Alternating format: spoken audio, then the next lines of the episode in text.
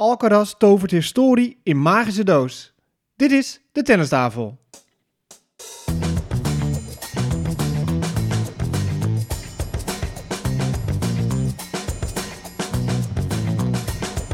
Please take your seats quickly, ladies and gentlemen. Thank you.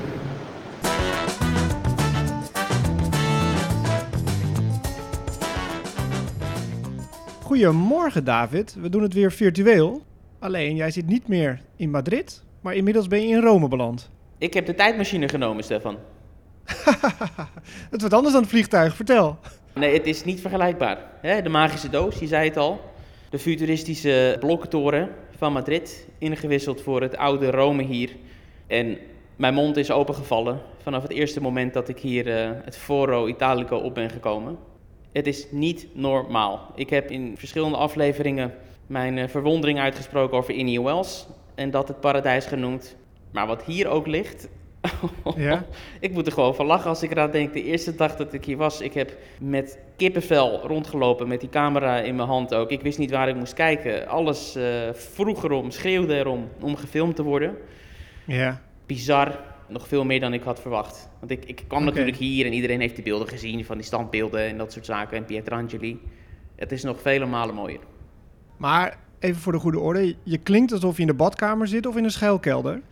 ja, excuses daarvoor. Ja, kijk, ik hoef de luisteraar denk ik niet uit te leggen ehm, hoe Italië in elkaar steekt. Het is fantastisch, de oudheid. Maar er zijn natuurlijk ook wat, wat dingetjes waar je, ja, misschien wat probleempjes eh, af en toe, waar je tegenaan loopt. En ik zit hier in een, in een soort cabine eh, in het grote Campo Centrale, het hoofdstadion hier, waar ook het perscentrum zit. Ja, zo klinkt het hier. En af en toe kunt u misschien ook iets naar beneden horen vallen. Dat is het plafond, dames en heren, dat hier af en toe een beetje afbrokkelt.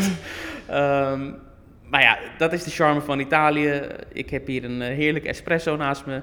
Die ze hier eh, natuurlijk om elke hoek. het maakt niet uit Ja. hoe, hoe shady de plek is. De espresso is perfect. Kan niet alles hebben. Ik kies ervoor om te genieten van dit soort dingen. Ja, nee, maar je komt jetzt echt in de extreme van het moderne Madrid Ja, naar dat, naar dat authentieke Rome. ja. Eh, nou, over Rome gaan we straks eh, veel langer hebben natuurlijk, maar Zeker. laten we beginnen met Madrid. Jongen, jongen, jongen, jongen. Wat daar is gebeurd allemaal. Verte- nou, dat- waar, waar moeten we beginnen? Ja, Alcaraz, gewoon het einde beginnen. Ja, ja, nou, het begin, het einde, het midden. Het is één grote Ja, Alcaraz ieder- show. was iedereen heeft het over Alcaraz. Ik bedoel, Ja. ik, straks wil ik het van jou horen hoe het daar allemaal hè, binnen de ATP-circuit. Maar hier in mijn omgeving, iedereen heeft het over Alcaraz. Hij zet toch het tennis wel weer ja, opnieuw op de kaart of zo, weet je? Helemaal mee eens. Helemaal mee eens. En ik wil eigenlijk, ehm, om toch maar wel naar mijn ervaring in Madrid te gaan, doorgeven wat eh, Naomi Osaka daar zei. Was ik vergeten de vorige keer te zeggen. Tijdens de mediadag van Madrid. Toen werd haar gevraagd om, eh, om haar mening over Alcaraz. En toen moest ze, zoals we dat van haar gewend zijn, ja, moest ze een beetje nadenken. Moest ze een beetje, oh, zei ze, hier kom ik ongetwijfeld door in de problemen, maar ik ga toch zeggen. Ze zegt, ik kan me niet herinneren dat er de laatste 10, 15 jaar zoveel plezier en zoveel excitement, was het woord dat ze gebruikte, in het mannentennis eh, is toegevoegd door een speler. En dan dacht ze natuurlijk, oh ja, dan, dan schrijf ik nu al die Zverev en die Tsitsipas en dat soort figuren schrijf ik dan aan de kant. Maar ze zegt, ja, ik merk, dit is gewoon, gedurende dat ik het volg, is dit niet gebeurd. Ja, en het mannetje is pas net 19, hè? Een paar dagen. Jongen, Kan jongen. wel zeggen, ja. Hij werd Ja. 19, dag daarna speelt hij tegen Nadal, wint hij. Dag daarna speelt tegen Djokovic, wint hij. En eh, een paar dagen later wint hij gewoon het hele toernooi. Ja, woorden schieten tekort. Ja, dat is ook wel mooi om te zien dat zeg maar, het, het grote publiek hem nu ook echt helemaal omarmt met alles wat ze hebben. Eh, wij zagen het al iets eerder. Ja, Ja, wij wel. Stevie Wonder zag het ook, denk ik. Hè? Als je hem voor het eerst ziet spelen, het is gewoon... Wat mij betreft, heb ik het eerder gezegd, hij is de Djokovic, Nadal en Federer in één. En hij brengt ook iets nieuws aan het spel. Los van al die dropshots, maar de keuzes die hij maakt... Hij gebruikt die hele baan. En, en zo slim. En af en toe service volley. En dan weer een kick service. En dan weer een harde beuk. Ja, het is bizarre rallies wat je ziet. En hij geniet er zelf Ja. ook van. En ik denk dat je daardoor ook die, die gunfactor krijgt van het hele brede publiek. Zelfs van tegenstanders volgens mij. Hij heeft echt die gunfactor. Omdat hij ook respect heeft voor zijn tegenstander. Maar hij geniet ook van de mooie ballen van zijn tegenstander. Hij lacht om zijn eigen fouten soms. Hij is ontspannen, maar ook wel weer ja, super gefocust. Het is- het heeft het, het is helemaal. Het- Totaalpakket. Het is een absoluut totaalpakket. Fysiek inderdaad, wat je zegt. Mentaal. Lef ook hè, op die grote belangrijke punten. Dat onderscheidt hem ook van bijna iedereen die niet in de grote drie zit. Tennis-IQ, de conditie, die man is niet kapot te krijgen. Hoe lang een rally ook duurt, hoe lang een wedstrijd ook duurt, de dag daarna staat hij er weer. Ogenblik. Een of ander insect valt hier even naar beneden. 1, 2, hup, wegwezen. Um, ja, en wat je ook noemde, die kickservice is iets waar ik op, in wilde haken. Niet om, dat, het heel technisch te maken, maar ik sprak Botik dus gisteren hier in Rome. En dat is ook iets wat ik alle spelers eh, deze week vraag om gewoon hun mening over Alcaraz. En hij had het dan vooral over wat hem onderscheidt van alle andere spelers.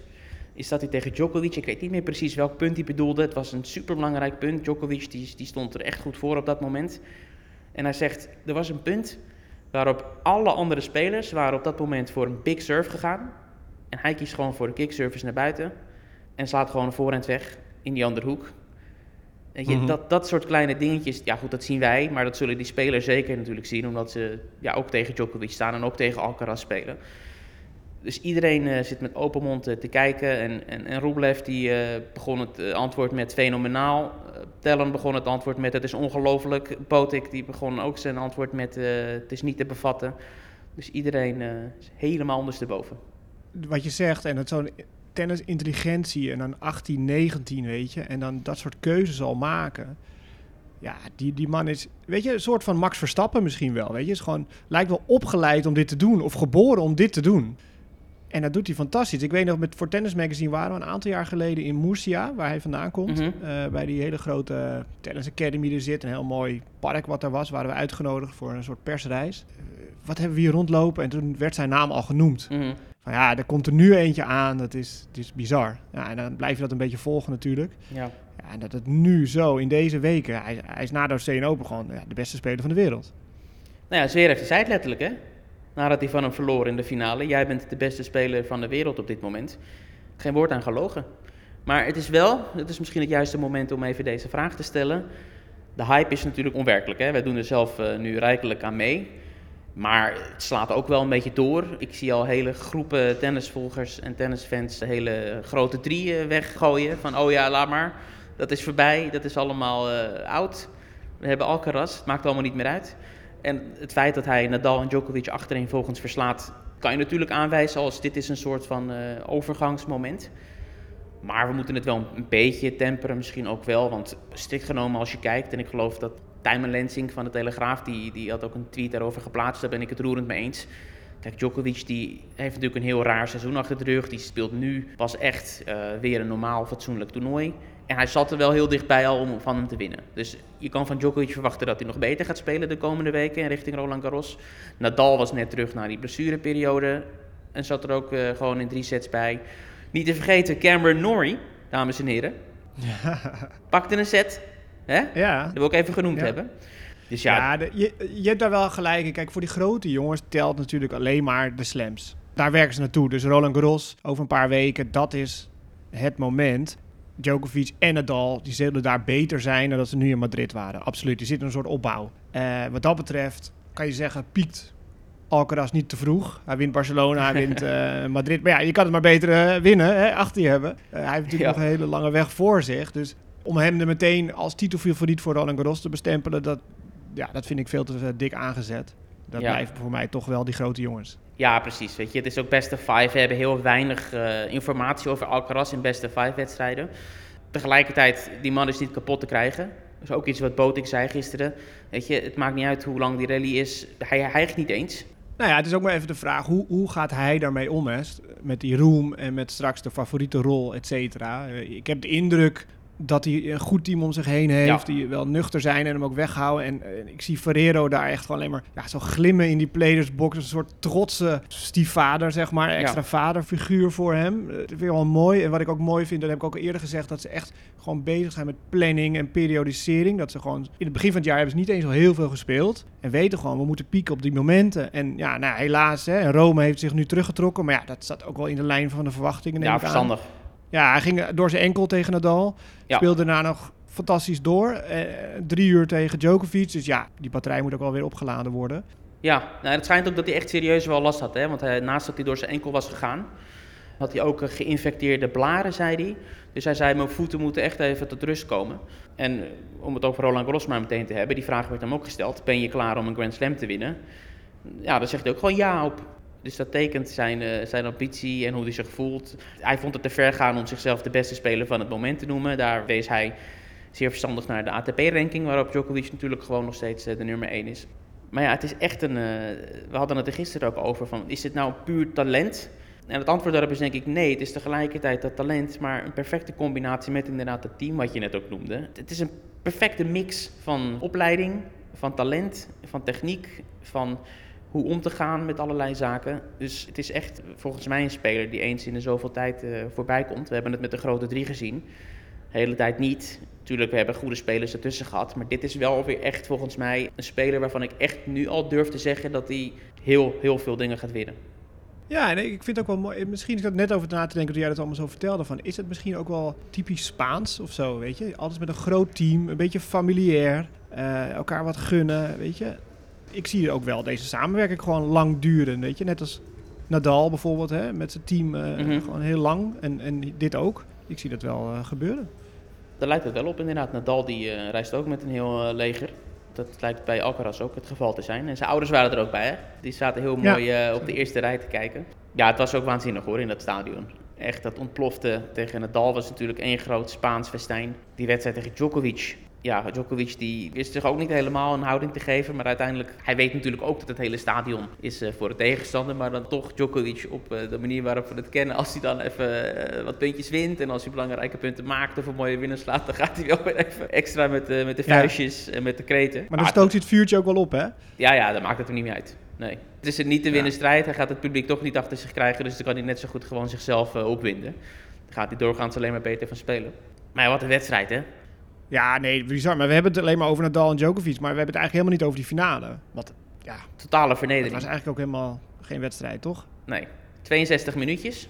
Ja, maar door de omstandigheden ook. Ik moet ook even pleiten voor Zverev. Wat, wat hij na afloop zei, heeft hij wel groot gelijk in. Over een keer om vier uur geloof ik in het hotel en een keer om vijf uur in het hotel s'nachts. Dat kan toch niet? Ja, je stort in. Je kijkt naar boven. Wat, wat ja, gebeurt er? nee, er komen mensen binnen. Er komen mensen binnen. Eén uh, momentje. You can sit here. Can we? Okay. Or Of course, of course, yeah. From uh, uh. Yeah, I mean, if it's a space, you should sit here. Yeah. Okay. Ja, ik heb uh, een bezoeker, dus die gaat uh, hier naast mij zitten, maar we gaan gewoon uh, rustig door. Ik bedoel, de Italiaanse taal is de mooiste taal ter wereld, dus als dat een beetje zo door de podcast heen komt, vind ik dat niet erg in ieder geval. Sfeerverhogend. ja, sfeerverhogend, absoluut. Ja, wat je zegt klopt natuurlijk. Hij was heel boos na afloop. Schande sprak hij van. De ATP die heeft het helemaal verkeerd gepland. Ik heb twee, twee nachten op rij. Inderdaad dat hij vier, vijf uur uh, pas in bed lag. Zo kan je niet spelen. Hij zei in de finale kon je dat ook zien. Hè? Ik had geen coördinatie. Er was een moment of twee dat ik gewoon een hele simpele smash uh, miste. Die waren trouwens echt gruwelijk. Die, die miste. Ik moest er wel een beetje op lachen. En dat kwam er allemaal door dat ik geen coördinatie had. Weet je, ja, goed. Zverev. Ik vind wel dat hij een punt heeft, absoluut. Een half uur ervoor zei hij op de baan tijdens de prijsuitreiking nog dat het zijn favoriete toernooi was. Kijk, het is natuurlijk zijn evenement. Hij had er twee keer gewonnen. Hij had kennelijk nog nooit op het centercourt daar een wedstrijd verloren. Maar toch blijft het een vreemde, vreemde planning. Absoluut. Ik zei het daarvoor al hier tegen mijn omgeving hier. Het is eigenlijk oneerlijk. Dat eentje speelt overdag en de ander speelt dan echt s'avonds laat. En de volgende dag al die finale. Ja, en dan die dames ook nog, hè.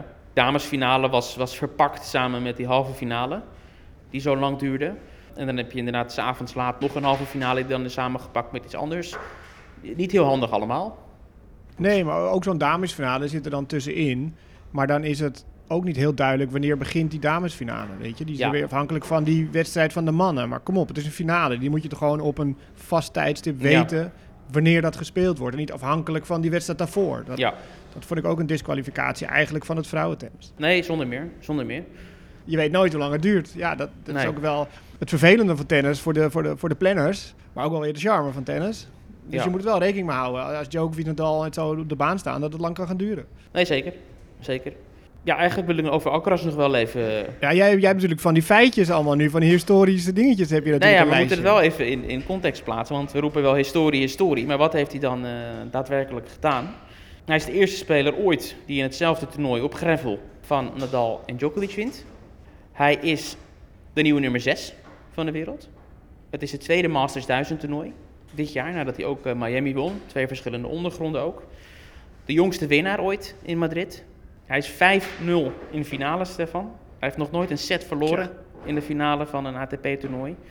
Hij heeft een eh, winstreeks van zeven wedstrijden tegen top 10 spelers lopen. Hij is de jongste speler sinds de start van de ATP-tour in 1990. Die wint van drie top 5 spelers in één evenement. ja, 28-3 dit seizoen. Hij heeft 26 van zijn laatste 28 wedstrijden gewonnen. Vier titels dit jaar. Raiuno? Ja, we hebben even een eh, telefoontje tussendoor van mijn buurman. Oké. Niks mis mee. Pizza bestellen. Ja. nee, we gaan gewoon lekker door, joh. Het maakt het ook uit. Hij is 7-2 tegen top 10 spelers. En vorig jaar, op dit moment in mei, was hij nog de nummer 120 van de wereld. Daar wilde ik het eigenlijk zo'n beetje mee afronden. En ja, de vraag is natuurlijk hoe dit allemaal verder gaat. En of hij vanaf nu nooit meer de wedstrijd gaat verliezen. Om eh, sommige hypers maar eh, te volgen. Ja, weet je wat ik, wat ik nog belangrijker vind? Ja, natuurlijk allemaal fantastisch, die cijfers. Maar gewoon dat hij gewoon leuk is om naar te kijken op de baan. Dat maakt het tennis ook goed voor de sport. Ja. Kijk, als je Zverev ziet spelen, dan heb je niet het gevoel dat hij, dat hij het heel erg naar zijn zin heeft. Ook al wint hij. Of zijn, ja. zijn, zijn tennis is heel aantrekkelijk om te zien. Of zijn uitstraling of dingen. En deze man heeft het wel. Helemaal mee eens. Als je kijkt ook naar Tsitsipas en de stress op het gezicht, hoe leuk zijn spel ook kan zijn. Hè? En Zverev, Ja. het verschil is alsof die mannen, die hebben een baan, die moeten vandaag eh, dingen afvinken. En Alcaraz die komt naar de speeltuin. Dat mag je dus eigenlijk nooit kwijtraken. Want dat is ook zijn kracht. 100 procent. Tuurlijk gaan de belangen ontzettend toenemen en de, de grote wedstrijden en die hype die zal alleen nog maar eh, verder groeien. Maar ja, toch heb ik ergens wel het vertrouwen dat hij, eh, hij heeft het. Zullen we de X-factor noemen? ja, ja. ja, klopt. En zeg maar, als hij verliest, dat die ander gewoon echt van hem gewonnen heeft. Ja, Als je het zo erin staat, Ja. dat vind ik ook wel weer mooi. Ja, zeker. De andere spelers ook, hè. Ik bedoel, Djokovic is altijd, na zijn verlies, is hij denk ik de meest gracieuze van eh, wie dan ook. Mhm. Hè, altijd gewoon volledige credits geven, ook als hij zelf misschien niet goed heeft gespeeld. Is hij nooit eh, de minste om gewoon te zeggen dat het een waanzinnige prestatie is, dat het een waanzinnige speler is en dat hij eh, de man to beat is, hè. Volgens mij zei hij dat Ja. ook. Maar er gebeurde nog meer in Madrid, als we naar de vrouwen mogen. Want dat sneeuwde Zeker eigenlijk weten. een beetje onder. Ons Jabeur, ze speelt heel aantrekkelijk. Ongelooflijk, ja.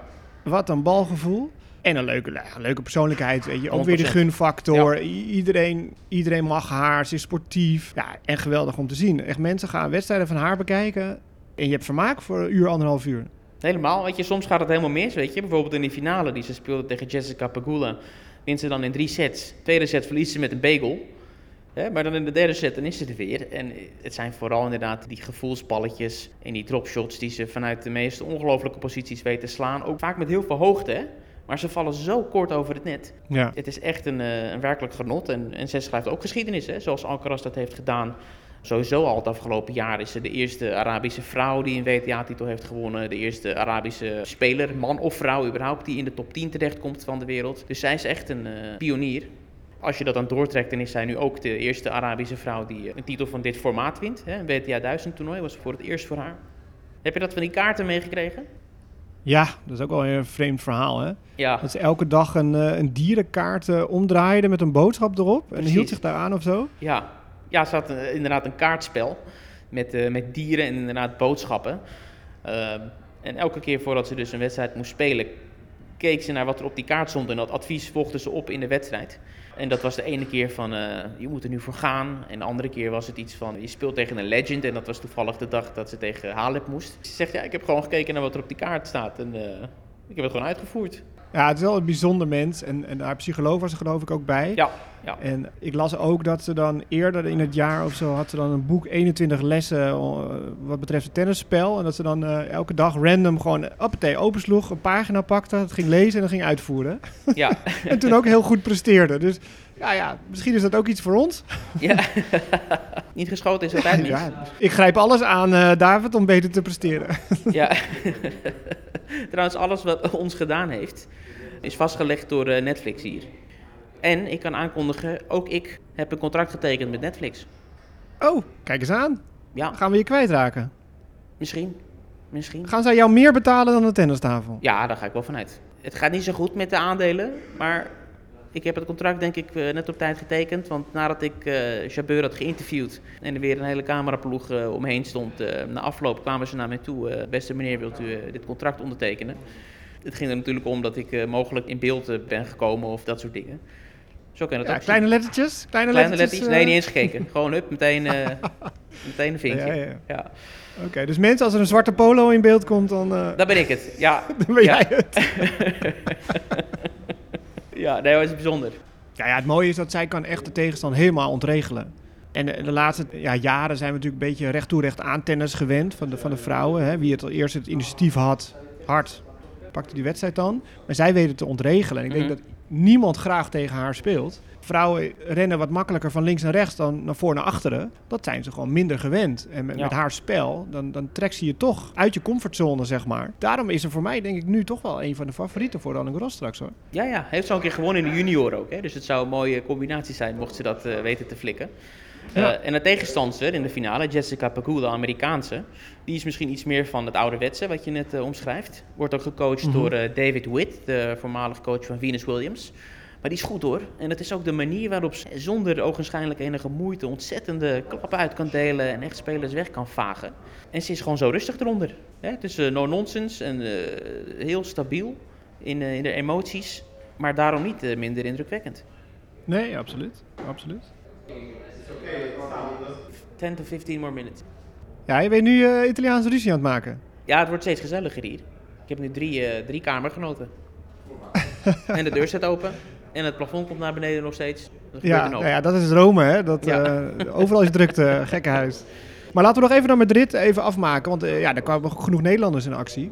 Straks dubbelspel, maar jij was ook heel, zat dicht op bij Botik. Mhm. Ja, hoe was dat die wedstrijd tegen Goffin op dat bijbaantje, zeg maar, na zijn geweldige optreden tegen Carreño Busta? Ja, dat is niks. En maar waar lag dat aan? Was dat Ja, mentaal? Was- Hij zei dat hij leeg zijn benen, die, die wilde niet meer. En nou, ja, dat kan je ook wel een beetje terugzien in de manier waarop hij sommige eh, punten speelde. Weet je, dat hij eh, totaal geen controle had en dat hij echt meters uitsloeg. Hij had ook heel veel moeite met eh, dat na dat hij speelde in dat mooie baan 2, Arantje Sanchez. Dat hij daarna Mhm. terecht kwam op het bijbaantje waar er geen uitloop echt was. Dus in die eerste games zat hij al drie keer op schoot bij de lijnrechters. Ja, dan blijft hij daar wel een beetje in hangen. Dat hij, dat hij wijst naar de baan, dat hij wijst naar geen uitloop. En dat is een beetje hoe hij is tijdens wedstrijden. Dat hij met de omstandigheden bezig is.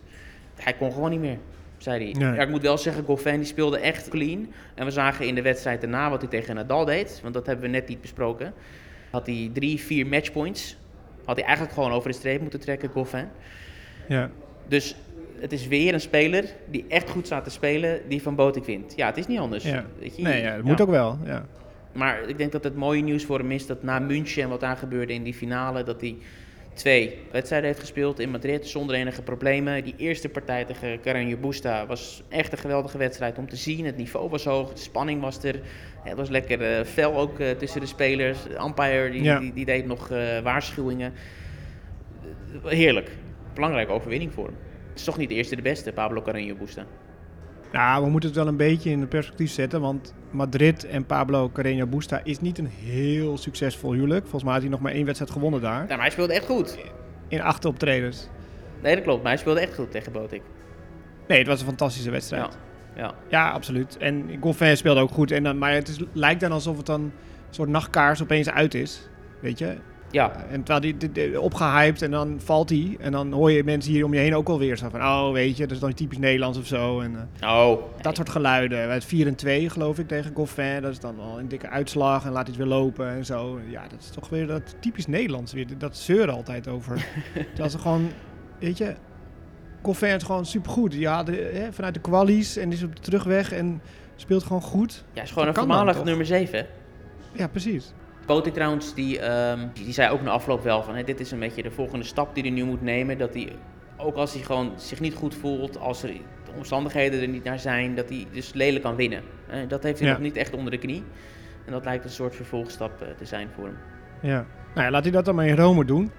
Wesley Koolhof, dubbelspel. Heel succesvol met Niels Kopski. Winnen in de finale van Madrid van eh, de Colombianen Farah en Cabal in de Mhm. match tiebreak. En hun grootste titel samen. Eerste masterstitel. Überhaupt. Ook dat. Ja, Voor beide spelers. Ook als team, maar ook individueel, als ik dat goed begreep. Hadden dat nooit eerder eh, gewonnen. En ze stonden voorafgaand aan het toernooi al eerst in de race. Hè? ja klopt ja. Hebben we vorige keer niet genoemd. Daar hebben we vergeten inderdaad. Zij Ja. leiden de, jaren, de jaarranking. Eh, vierde titel dit jaar, dus ja, dat, dat is nou niet zo heel verrassend.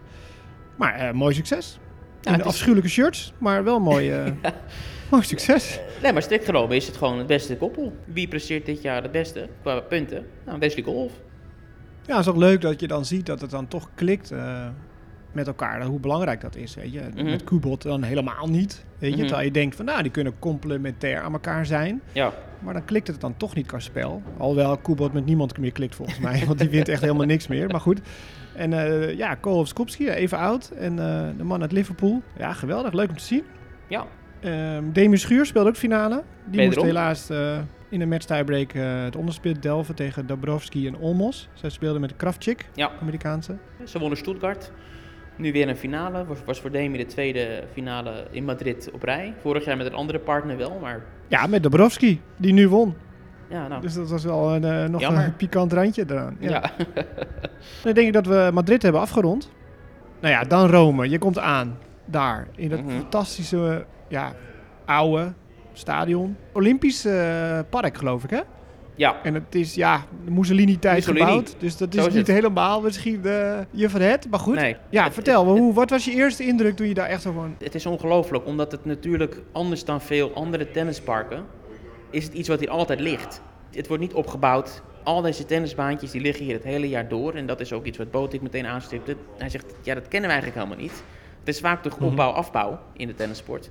Die oudheid en de, de ligging van de banen en die bomen eromheen en die standbeelden eromheen en die ingedaalde eh Pietrangeli-baan, waar Botik trouwens, eh, hij had het er zelf over, hij probeerde het uit te spreken, dat lukte niet helemaal, Pietrangeli. Ehm, Ja, hij zei, ja, dat is de mooiste baan die er is in het tennis. En hij heeft gewoon het geluk dat hij zijn eerste, de beste wedstrijd eh, ooit in Rome mag hij spelen op die baan. Tegen Corda. Je mond valt eh, werkelijk gewoon open. Eh, je zit niet op stoeltjes. Je zit meestal zit je gewoon op, op soort van marmeren ja, trappen. In feite. ja. Is waar je op zit. Het is een unieke, unieke plek. Goed, er wordt ook getennist. Hè? Het is niet alleen maar kijken naar standbeelden. Iga Ja. Swiatek is terug. Djokovic die gaat spelen. Nadal gaat spelen. Botik en Tellen.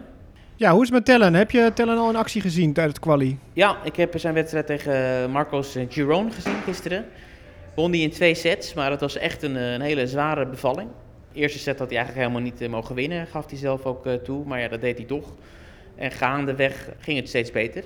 En ja, we hadden het erover hoe, hoe zwaar het eh, kwalificatietoernooi is. Want hele, hele sterke spelers eh, zitten erin.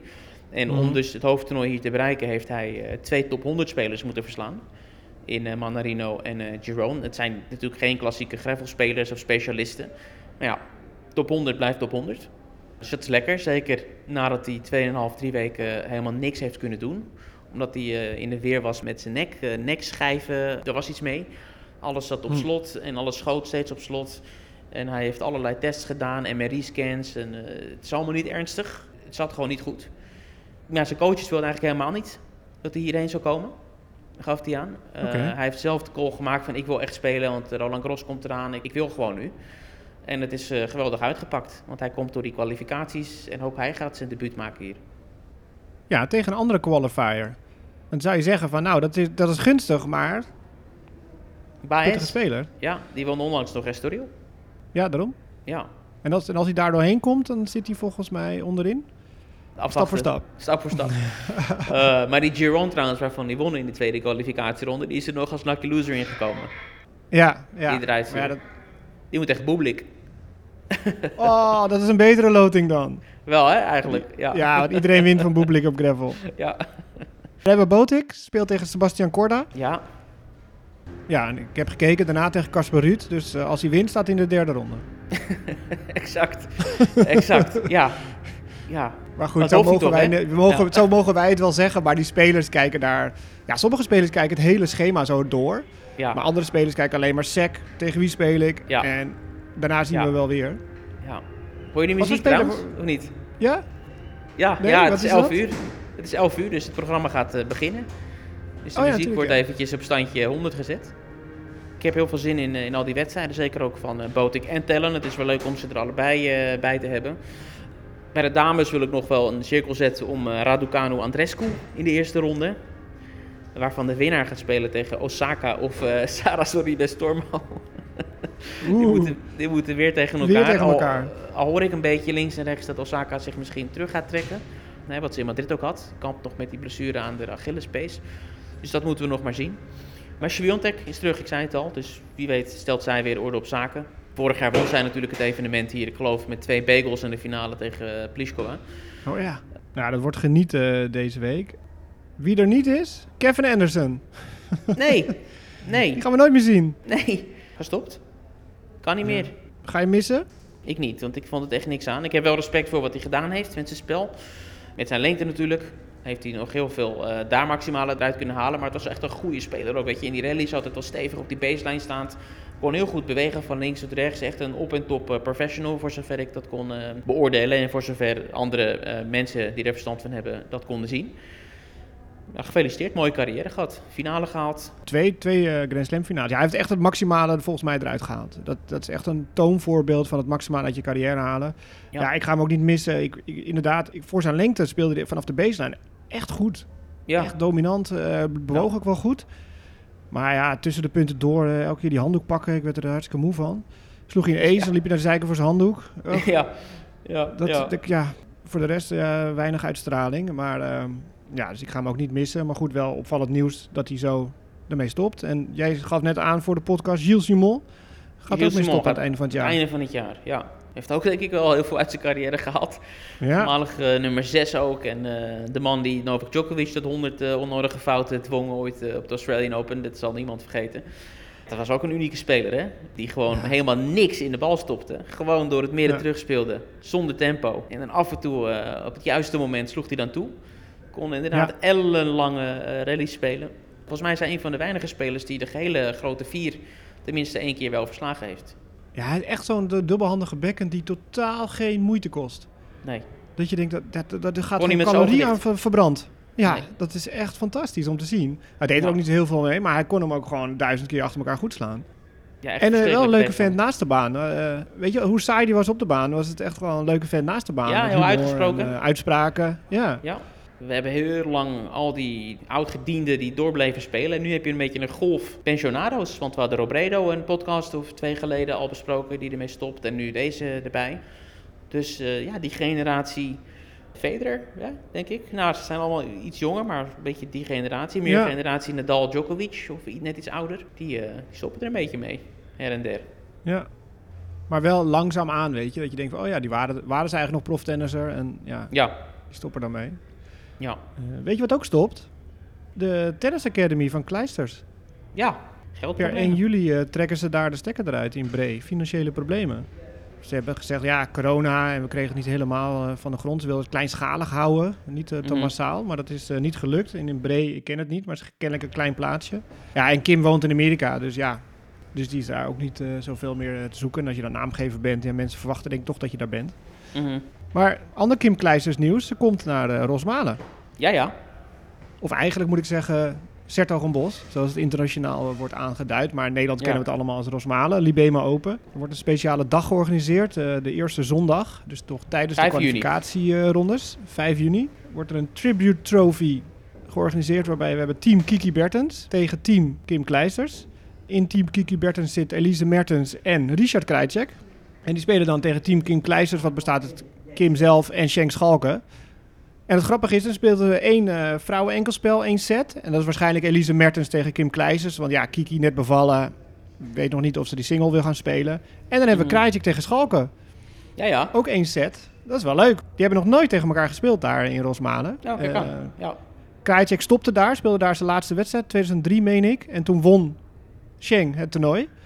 En die gaan nu dan een set tegen elkaar spelen. En daarna nog een eh mixdubbel met eh, Bertens tegen Kleisters en Schalken. En die spelen dan achter elkaar zo, met interviewtjes tussendoor, mooie filmpjes en een soort ja, afscheid voor Kim Kleisters ook, die onlangs natuurlijk haar pensioen aankondigde. En Kiki Bertens nog even in het zonnetje zetten. Dus het wordt een hele leuke tennisdag. En daarnaast is het hele park open, het VIP Village, alles is open. Er worden clinics georganiseerd, je kan naar de kwalificaties kijken op de overige banen. Dus het wordt een hele leuke tennisdag eigenlijk, uniek. Ja, des te meer Dus reden om dit jaar eh, af te reizen. Hè, naar Rosmalen. Ja. Mooi spelersveld. eh Medvedev is onlangs al aangekondigd. Eh Botik, die, die zal erbij zijn. Wie nog meer? Nou ja, David Colvet, eh, die we net uitgebreid besproken hebben. Maar ook Felix Auger Aliassime. Kijk eens. die in Rotterdam zijn eerste titel won eerder dit jaar. Die, ja, die zegt, Nederland heeft een speciaal plekje in mijn hart. Dus die komt voor het eerst naar Libema Open. En Marin Cilic. En die Nou. heeft ook wel iets met een band met eh, Brabant. Want in 2017 haalde hij de halve finale. En daarna haalde die finale op Wimbledon. Mhm. Dus die, ja, nou, grote Ja, namen allemaal. Belinda Ja, Bencic. Ja, Elise Mertens dus al. En eh, later in de week wordt het hele deelnemersveld bekend. Want eh, de inschrijving eh, is normaal gesproken zes weken voor aanvang van het toernooi. Maar dat, nu Mhm. is dat vier weken. oké. Dus ehm, woensdag wordt alles bekend, eh, de, hele, de hele lijst. Maar goed, ja, er is nu zoveel tennis. We hebben toch Rome nog. Dan hebben we een week... Nou, dan beginnen de kwalificaties Roland Garros voor de Nederlanders. De hele Roland Mhm. Garros. En dan hebben we Rosmalen. Ja, Ja. dat kan het geluk niet op de komende weken. Nee, het is één groot feest. Prachtig gedeelte van het seizoen. Het mooiste ja, gedeelte zeker. Jij nog een hele week in Rome. Ja, ja. Eh, niet te veel pasta.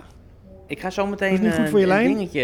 eh, Mij is verteld door, door wat collega's dat ik een, hoe heet het nou, een arancini of zoiets, dat ik dat eens moet gaan proberen. En dat schijnt, ja, daar komt die.